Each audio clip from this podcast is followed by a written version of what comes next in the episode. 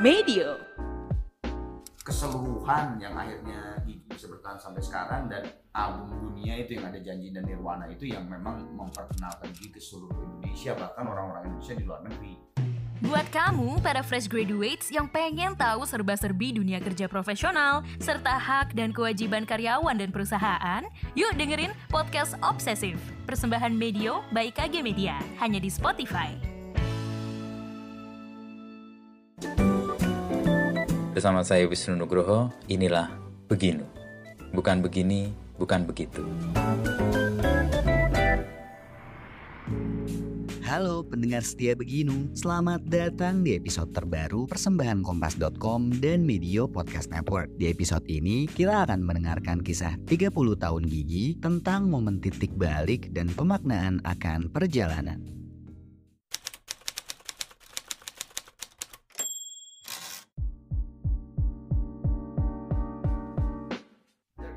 Gigi mau 30 tahun kalau teman-teman Gigi ngelihat itu titik balik untuk kita lihat ya apa yang terjadi selama ini buat Gigi sampai bertahan sejauh ini di mana ya?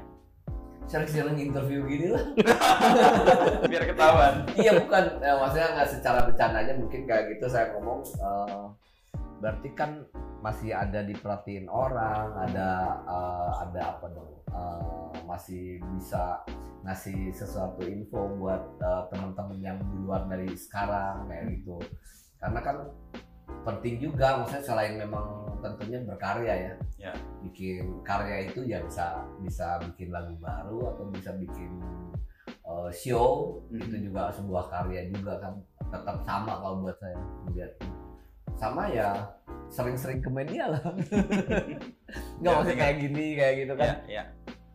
Tapi kalau Arman atau Bujana atau Hendy melihat sendiri? titik kalau pengen melihat titik balik eh, Gigi selama 30 tahun sih ya yang pertama dari bikin karya, bikin album ya. Karena setiap edisi album kan pasti punya cerita sendiri ya pastinya kan. Apalagi perubahan formasi juga kita berapa ya formasi? Oh, lima ya? Lima ya? Ada lima ya? Empat. empat ya? Empat ada empat dan ini yang alhamdulillah yang ha- hampir 20 tahun bertahan formasi ini. Pasti eh, setiap album punya punya punya zamannya sendiri punya edisinya sendiri punya ceritanya sendiri. ah itu menandakan bahwa misalnya Gigi udah berumur 10 tahun di album ada album di umur 10 tahun itu. Ada umur 20 tahun itu. Jadi bener-bener dengan adanya album ya itu menandakan bahwa kita tetap ada gitu. Iya kan? Karena dengan dengan karya itu eh, kita bisa apa ya eh, menjalin sebuah chemistry lagi yang yang lebih kuat lagi gitu. Karena Oh, iya. berkarya kan. Kalau awal-awal dulu gimana man? Lihat waktu itu kan band banyak banget ya tumbuh dan Gigi kemudian muncul yang gue inget sih di era tahun 95an sih 95 ya eh, dikenal dan kemudian lagunya hits itu ya Ya 95 deh. 95 itu dengan lagu janji dan Hmm. di album La Dunia waktu itu ya Iya. Nah, ya itu kan expose-nya juga gede ya di Rolling hafal Stone. oke ya gue generasi itu dan tadi malam memang dia ini yang udah ini gue ngalamin itu lagu yang oh, oh, oh, oh. Enggak, banyaknya kan yang interview itu kan karena media kan Nah, nah. Iya. Eh, itu gue ngalamin sendiri dan itu notice juga apakah itu juga titik balik yang membuat Gigi kemudian tumbuh seperti sekarang Iya salah satu, salah satu ya biar gimana tetap aja titik baliknya itu kan dari the first ya, the Ya. firstnya, the first album eh hits Awal-awal. Hitsnya itu. awal gitu. bagian Eh, dari kami lah itu ya di album pertama itu tuh eh kalau yang saya rasakan tuh sebetulnya udah lumayan dikenal tapi memang masih Jawa lah, Pulau Jawa Oke. lah gitu ya. masih Ah, kawasan Te- Kenapa saya bisa ngomong gitu? Karena terbukti saat album pertama keluar tuh kita sering banget main di pensi ya, Hmm. sering banget kita main. Berarti kan memang terdengar. oke Tapi memang kalau berbicara titik balik keseluruhan yang akhirnya bisa bertahan sampai sekarang dan dan tuh gitu ya di musik Indonesia album dunia itu yang ada janji dan Nirwana itu yang memang memperkenalkan Gigi ke seluruh Indonesia bahkan orang-orang Indonesia di luar negeri. Oke. Yang lagi di luar negeri gitu ya mereka mendengar mereka yang minta. Saudara yang mau datang ke Amerika atau ke Korea Bawain. minta dong bawain Oke. itu bener-bener rata dari situ yang kita dari 95 itu yang akhirnya banyak kita ada main di sini lah. Bukan hanya di Indonesia tapi ke Jepang ke mana ke mana dan sebagainya. Ya, salah satu titik baliknya dari itu. Tapi bener yang Hendy bilang titik baliknya sebenarnya banyak. Oke. di dalam perjalanan 30 tahun kan kayak Ada misalnya periode-periodenya ah, ya. Rigi itu kan titik balik juga gitu kan. Terus juga eh, ya sampai akhirnya misalnya lagu istilahnya beberapa lagu di Gigi punya apa sifat itu evergreen salah satunya 11 Januari gitu Ya. itu kan 2008 mulai itu salah satu titik balik juga gitu kan jadi ya banyak sih sebenarnya Oke. Kalau proses untuk kemudian mendapatkan titik balik itu nature atau kalian memang udah menyiapkan ini kayaknya akan jadi sesuatu nih. Ada Kayak- feel itu enggak? Enggak. kayak kita nggak pernah terpikir kalau kayak gitu. Nature aja. ya. kalau bisa gitu gitu Wah. Wah. kayak lain tiap hari bikin lagu kan ah ini jangan ini Jangan, jangan, oke. beneran Tapi faktor apa yang membuat sebuah lagu atau sebuah album atau sebuah itu bisa diterima? Bisa. Iya itu nggak pernah bisa dijawab ya karena apa Iya, iya. faktor lagu bukan cuma melodi kan lagu, kalau bukan cuma kalau kalau lirik. mengingat- gitu. mengingat-ingat maksudnya Oke. dengan Iya, kan kejadian tiga yang udah kita bikin gitu ya seingat saya belum tentu yang tiga ini kalau saya melihatnya pas pembuatan itu kita satu nggak ada eh, eh, tulus tulus beneran ngalir aja Isi bukan tulus. ya maksudnya sih? tekanan memang ada karena kan eh, Loss itu ya. masalah waktu Oke. kadang kan kita kan eh, oh tanggal sekian harus sudah rilis atau apa dan sebagainya kayak gitu ya tapi ngejalin ngejalaninnya itu apa ya eh, bener-bener menurut saya sih kayak ya kayak lagu 11 kayak gitu kan. Kayaknya memang dari hati yang semuanya juga tercurah di situ gitu. Tanpa ada satu sama lain ah yang ini nggak mungkin gini gini gini. Enggak kalau buat saya mungkin Itu formula itu formula tapi ya. kan kadang kalau kita ulang itu belum tentu juga dapat karena itu kan bicara masalah hati ya. Hmm. yang semuanya nih kalau kerja kan bukan ya udah gua ngisi udah keren udah. Oke. Tinggalin nggak gitu kalau menurut saya. Mungkin ya kayak gitunya. Walaupun hal itu untuk digali ya kita kan orangnya semuanya sebetulnya udah tahu lah kemudian ada hal-hal itu kan. Hmm. Ya kayak Tapi ada pengecualian, juga sih album O tiga per empat kalau menurut gue itu tekanannya Iya, Ada teralbum yang gue Bujana eh, Ronald dan Thomas merasa di suatu situasi yang gak asik sebenarnya. Tapi secara eh, gue sempet nanya ko Akiat eh, mendiang ko Akiat gitu ya eh, sebagai executive producer Indian artist secara eh, kopi itu lebih besar daripada yang janji. Oh, oke. janji ya kalau sekarang ya. Mhm. kalau hitungan sekarang gue sih yakin janji itu juta deh Oke. gue yakin deh itu juta Karena kopi. zaman dulu Ah, kan gue yakin cuman kan you know lah ya. kalau zaman dulu kan nggak tahu lah pokoknya mah eh lu dapat bonus aja lah Ah, gitu ya, ah, oke. lagu lu dinyanyiin diganggang Oke, sama sama oke. pengamen dan sebagainya udah lu buat Udah bangga sih gitu. Ah, tapi di di tiga per empat yang ada lagu Oh Madamanya Cinta itu tuh gue sempet nanya gitu dan dan Kokia tuh ngomong emang kopiannya tuh lebih banyak daripada janji tapi sebetulnya ini itu pressure-nya gila banget ya Dalam keadaan Thomas, gue Bujana Ronald tuh istilahnya lagi sebel gitu sama Thomas gitu tapi ini harus selesai gitu berarti gak sih Ada pressure yang gede ya. jadi ya memang susah sih ya kalau yang namanya lagu. Kerja kita belum rekaman cuma dua minggu, Iya. tapi Prosesnya.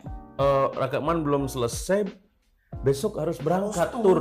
jadi kita tuh gua sama Bujana dapat tiga per empat tuh di Jogja ya Iya di kota Jogja kita sengaja ke toko kaset karena Baru "Weh, udah tiga per empat rilis." udah keluar rilis gue sengaja sama Bujana ke toko, Toko kaset, kaset untuk itu. beli sama Ronald gitu untuk oh iya bener jadi kayak gitu saking mepetnya tapi ya Jadi ya memang nggak ada nggak ada ada formula, nggak ada formula. formula ya. Oh, ya. Ada formula. Formula mungkin nggak ada.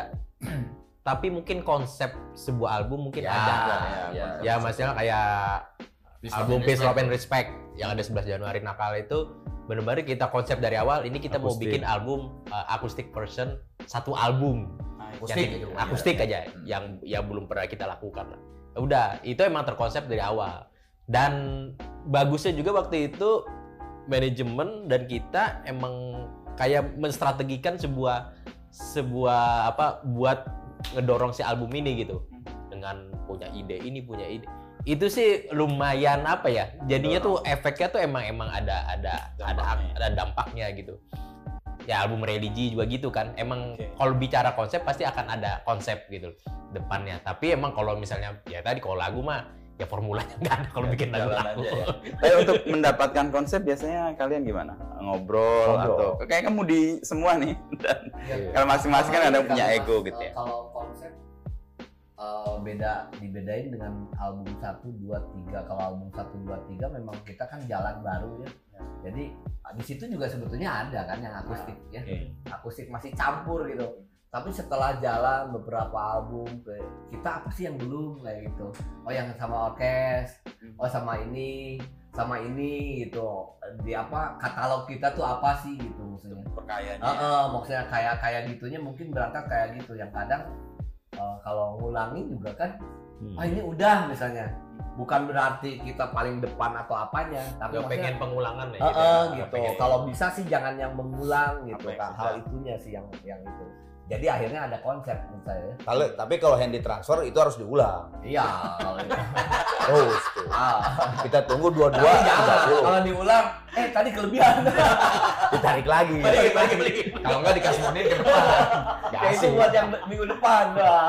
Bingung ya, bingung. Ya, bingung gue gak paham ini. Iya. Ini bendahara Kan tadi, dia- Pak. Kan dia manajer. Oh, iya. Yang transfer sekarang dia ke kita kan. Makanya dia pilih ini di paling dekat dengan rumahnya. Oh, ekonomis ya. kita punya bahasa yang ngerti kita berempat doang Serius. iya Termasuk yang tadi. Iya, Tadi ada ada bahasa-bahasa tertentu yang istilah atau apa orang pasti nggak tahu ya. Misalnya. Beneran? Dua-dua tiga puluh. Iya beneran kita Oh, kita kita apa ya eh, kondisi situasi itu kita suka rekam, maksudnya terekam Oke. sama kita. Terus jadi ingatan bersama. Iya, jadi kalau ada hal-hal yang seperti itu kita nyebutin clue-nya ini. Oh, nyambung Ini nih. Tapi kalian sebagai band kan juga menciptakan kosakata kosakata kosakata baru. kan? Kayak jomblo itu, itu kan sukses itu sebagai band di popular culture lalu membuat kata yang kemudian diserap oleh semua Jomblo sama ngabuburit ya kan. ngabuburit. Jomblo tuh kalau di Bandung pembulian. Oh iya, jomblo tadi membuat Iya, jomblo itu kan kalau bahasa Sunda itu kan artinya itu kan orang yang Nggak laku. eh, nggak laku. Mhm. Bahkan kalau yang lebih sarkas eh yang lebih sarkas lagi gitu kasarnya tuh kayak yang udah kelewat nikah Hopeless berapa lah ya. kali sama Iya. adiknya Iya, gitu. Makanya Jadi, disebut jomblo. Nah, tapi kan akhirnya jadi bahasa slang sehari-hari di Sunda kalau lu belum punya cewek gitu atau apa ah jomblo lu di sana gitu.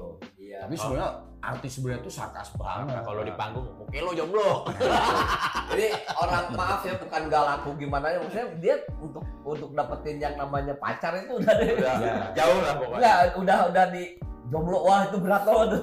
Ah, Oke, tapi itu kan kemudian diangkat menjadi bahasa yang populer untuk seluruh Ya jadi masyarakat. jadi kan hanya pada Sunda. saat uh, lirik jomblo itu memang kan memang liriknya tuh mengenai orang yang memang uh, istilahnya dia nggak dia tuh nggak punya pasangan dan dia ngayal gitu wah kalau gue punya pasangan kayak Gimana gini nih? gini, gue akan kasih bintang gue akan kasih ini kayak tapi sebetulnya dalam kesehariannya itu dia, Dia- dia- tidak ada pasangan. Pada saat ini judulnya apa? Ya kebetulan terbesit jomblo. Hujannya sempat nanya gitu. Jomblo apa man ya bahasa Sunda tuh yang tadi ceritanya. Wah ntar orang bertanya enggak justru gue pengen orang bertanya gitu kan. Sehingga bahasanya menjadi Ah, populer. saat Oke. itu kan pada saat rilis ya untungnya Sony Music waktu saat itu setuju gitu dengan judul itu. Jadi first single pada saat rilis gue ingat banget di situ Prambors lagi tinggi tingginya banget ya sebagai radio di Jakarta Ini tahun berapa ya kira-kira? Tahun 2000, 2001. Oke. 2001 Oh, itu si si penyiarnya itu itu kan zaman zamannya daging desta gitu kan Ah, oke. itu Ya. yang nyeletuk ya sebuah lagu baru dari jomblo gitu kan terus banyak yang bertanya jomblo tuh apa jomblo tuh nggak yang nggak laku kayak itu nah akhirnya tuh sebulan tiga bulan dari rilis lagu itu dan lagu itu diterima gitu. Itu di seluruh ya dulu kan radio ya Iya, ya. yang yang jadi primadona tuh selain TV radio itu si para penyiar tuh ya gitu. Buat para jomblo gitu. Padahal di Surabaya padahal di Kalimantan di Sumatera gitu. Jadi bahasa kata Indonesia jomblo jadi. itu akhirnya menjadi bahasa Indonesia. Itu pun ngabuburit gitu. Ngabuburit itu kan bahasa Sunda juga kan. Ya. Eh, bahwa menghabiskan waktu untuk Menjelang menjelang buka puasa. buka puasa. Puasa.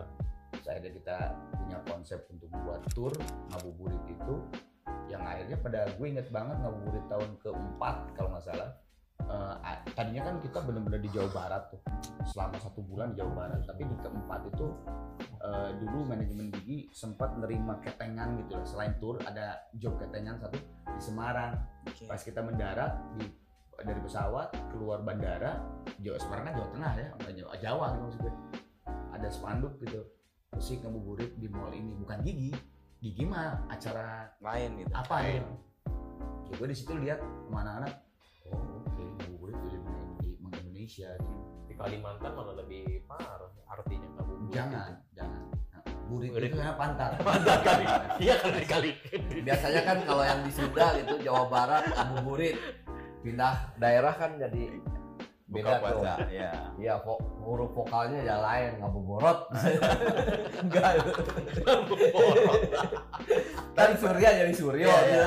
Tapi peran musik atau budaya pop berarti sangat penting ya untuk mempopulerkan ini kata bahkan kan istilah yang sifatnya sangat lokal dan Sunda sekali terus kayak jomblo sama ngabuburit jadi sangat nasional kan dan lewat lagu itu bisa dikenal. ya tapi tergantung juga Tergantung dengan keberhasilan juga. si elemen itu kalau Ah, misalnya oke. lagunya juga tidak tidak mengena di di di, di masa pendengar. musik, di masa musik gitu jadi ya nggak juga mungkin kan lewat aja Ya, tapi gitu. kata kan bukan cuma di lagu ya. Ya. Sampai sekarang kata tuh tiap waktu kan ada tambahan Ada- lagi ya, yang tambahan terkenal lagi. ada lagi gitu kan. Di fase gue dulu namanya Jayus. Ya, Ya, Jayus ya. itu kan dari Pak Jayus sebenarnya Ya, ya, Jayus. ada guru ya namanya Ya, Pak nama Jayus di Gonzaga gitu. Di Gons, Iya, ya. dari guru Pak Jayus Jayus lo gitu. Jadi si Pak Jayus tuh emang rada menurut murid-muridnya tuh aduh aing Pak Jayus eh gitu ngerti ya jadi Di era kita kan dulu waktu ngatain anak kan ngatain bapaknya kan. Iya. Si anak ini nama bapaknya Jayus. Jadi sana Jayus loh jadi. Lawakan untuk sekaligus ngeledek. Tapi sekarang jadi ada berempat juga ada Amin mana istilah. Banyak kita istilah. Tapi Banyak. belum kita tuangkan di lagu. Tuang sudah kalau kita tuangkan, kita kan IP soalnya. Ada ada jamet kan, ya jamet juga. Jamet. Ya. Terima kasih telah mendengarkan podcast Beginu. Nantikan obrolan Wisnu Nugroho bersama narasumber inspiratif lainnya.